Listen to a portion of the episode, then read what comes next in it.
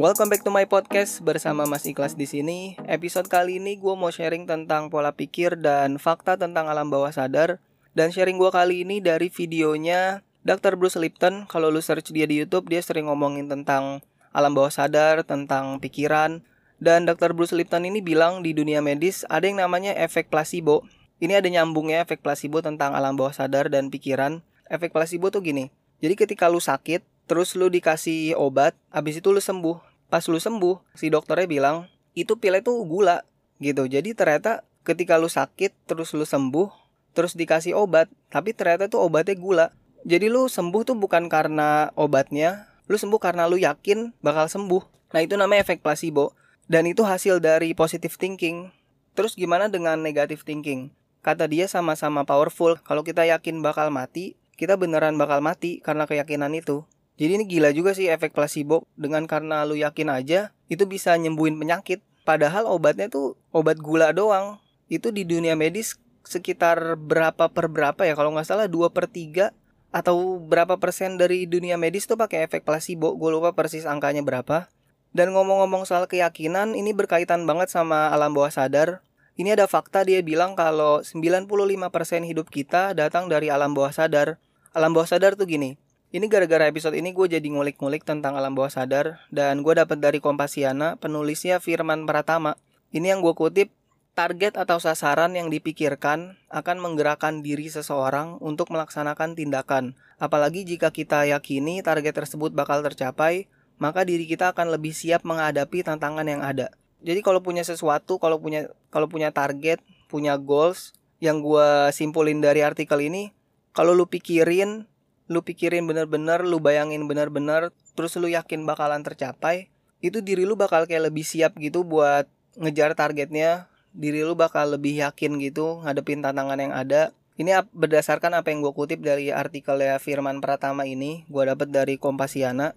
Dan dari artikel Kompasiana ini, pikiran bawah sadar itu dapat dibangkitkan melalui dua cara, yaitu auto suggestion dan visualization. Auto suggestion itu, ini gue bacain dari artikel ya, keinginan yang terekam kuat dalam pikiran alam bawah sadar menjadi daya dorong untuk menggerakkan diri kita berbuat sesuatu yang luar biasa, bahkan di luar kebiasaan umumnya manusia.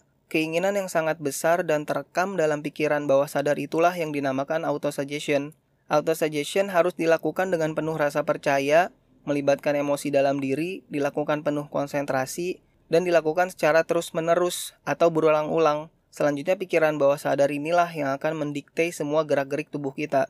Jadi kalau mau gua perjelas dikit, jadi untuk membangkitin alam bawah sadar itu lu harus keinginan lu harus benar-benar terekam di otak lu, benar-benar lu bayangin dan itu yang bakal jadi daya dorong untuk ngegerakin diri lu buat kayak buat apa ya?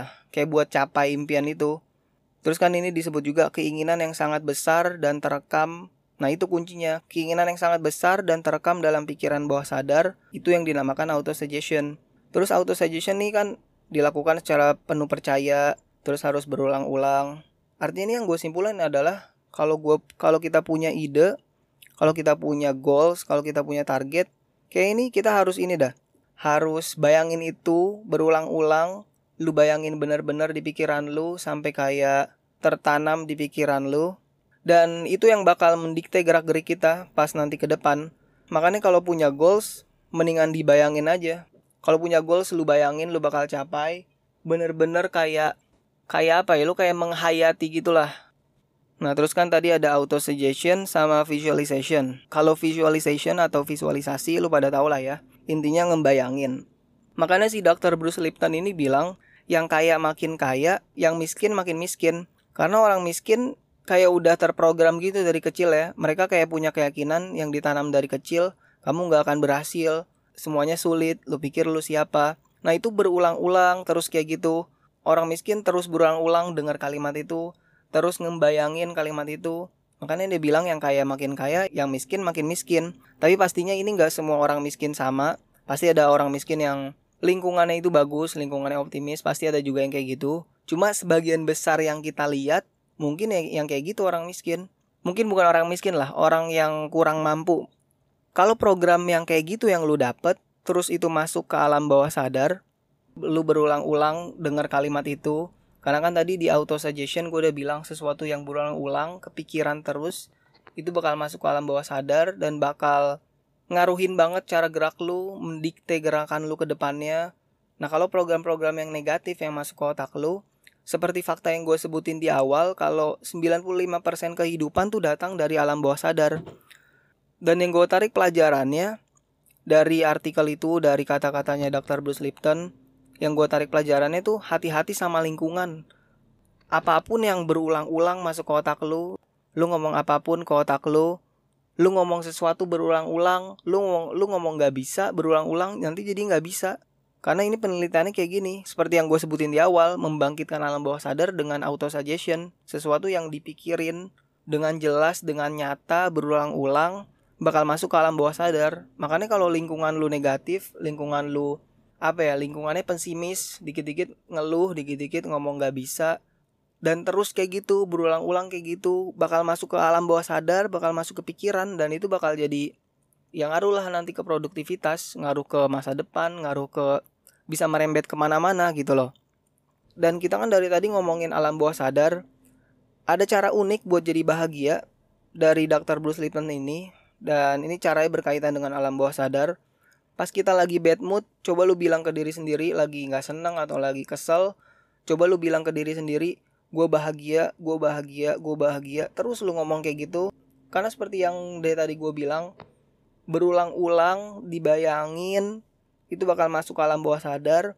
Dan dengan siapa lu ngomong itu, dengan siapa lu ngomong gue bahagia, gue bahagia, gue bahagia, dengan berulang-ulang kayak gitu, lu lagi ngomong ke alam bawah sadar karena 95% dari hidup datang dari alam bawah sadar.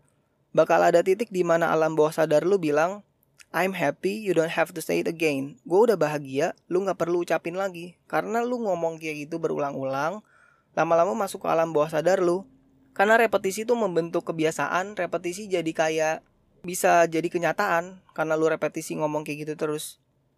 Terus kalau di buku Seven Habits yang gue bahas di episode 2, ini dijelasin tentang visualisasi dan afirmasi. Afirmasi itu kalau di Google artinya gini, pernyataan-pernyataan positif yang ditujukan kepada diri sendiri. Afirmasi membantu buat berpikir positif. Contohnya gini. Ini ada ada ayah punya anak, anaknya tuh kayak bandel banget. Ya ya barbar lah kayak gitu. Tapi si ayahnya ini dia ngebayangin sebelum anaknya nakal dia ngebayangin coba nanti kalau anak gua nakal coba gua bersikap tenang dia bayangin lagi duduk di kursi dia bayangin bentuk kursinya kayak gimana dia benar-benar benar-benar apa ya benar-benar visualisasiin di pikiran dia pas anaknya nakal dia lagi duduk di kursi tapi dia nggak marah coba dia dia bayangin kayak gitu dia liatin baju anaknya dia benar-benar bayangin itu pas lagi anaknya nakal. Terus dia bayangin pas anaknya nakal dia tenang ngadepinnya. Dia bayangin dia handle anaknya dengan baik. Nah akibatnya pas kejadian beneran dari dia ngebayangin itu jadi beneran kejadian. Dia ngehandle anaknya dengan tenang dia ngehandle anaknya dengan nggak marah dengan nggak emosi. Jadi mungkin kalau ada masalah sebelum ada masalah nih coba lu bayangin lu tenang kalau ada masalah lu nyelesain masalah itu coba tenang dulu lu bayangin lu tenang lagi tarik nafas dulu bayangin kayak gitu-gitu tuh nanti pas kejadian beneran apa yang lu lakuin, apa yang lu bayangin sebelumnya itu bakal ngaruh nanti pas lu ngehandle kejadian nyatanya. Dan terus ada penelitian dilakukan oleh Dr. Charles Garfield tentang orang-orang yang berprestasi puncak.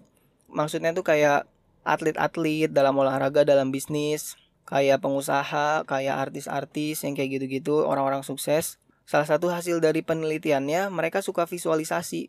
Mereka kayak suka bayangin gitu, bayangin mereka berhasil, bayangin mereka ngehandle masalah bayangin mereka kayak saya bakal bisa ngelakuin ini saya bisa saya bisa ngelewatin ini jadi dibayangin dengan jelas dan nyata kayak misalnya sebelum pementasan atau ada penampilan atau ada presentasi coba lu bayangin dulu sebelum pementasan sebelum ada presentasi lu bayangin lu gak nervous lu bayangin lu bagus banget pas presentasi lu bayangin penonton tepuk tangan kayak gitu-gitu jadi dibayangin dengan jelas, dengan nyata, berulang-ulang.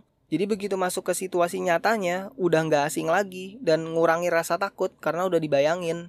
Dan coba lu combine ini dengan afirmasi, lu bayangin lu bisa perform bagus, plus kalau ada masalah, lu bisa ngehandle itu juga dengan bagus. Jadi visualisasi bayangin dikombinasiin sama afirmasi yang bapaknya itu nggak marah.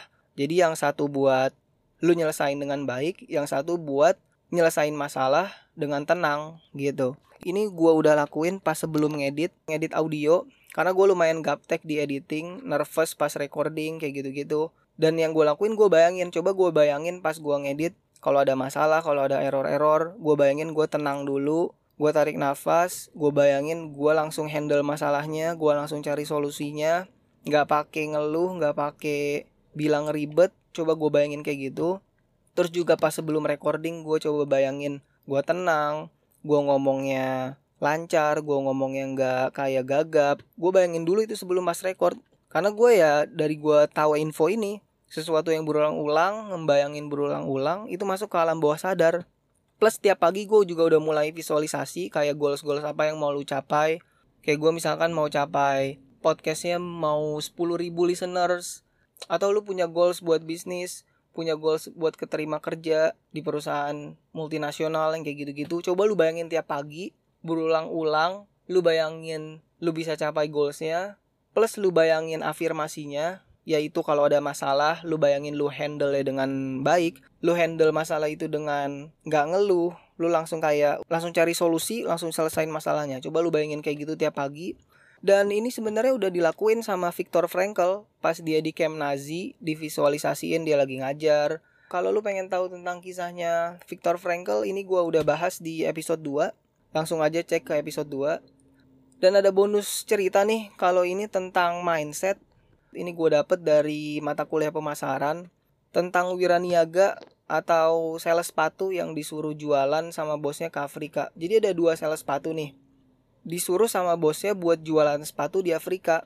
Tapi pas mereka sampai di Afrika, ternyata orang Afrika belum pakai sepatu. Nah, sales yang pertama langsung nelfon, "Bos, di sini orang belum pakai sepatu.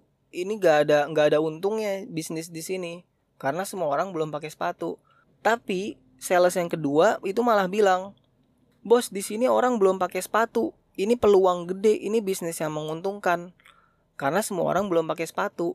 Nah, dari sini tuh gue kayak cara lu mandang masalah itu bakal beda banget nanti sama hasilnya, bakal beda banget sama cara lu bertindak, cara lu mandang masalah, ini lu mau pandang masalah atau mau lu pandang peluang. Nah, ini cerita dari cerita pas gua kuliah mata kuliah pemasaran bagus banget Oke segitu dulu mungkin sharing kali ini.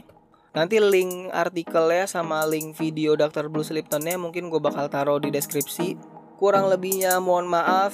Sampai jumpa di next episode. Thank you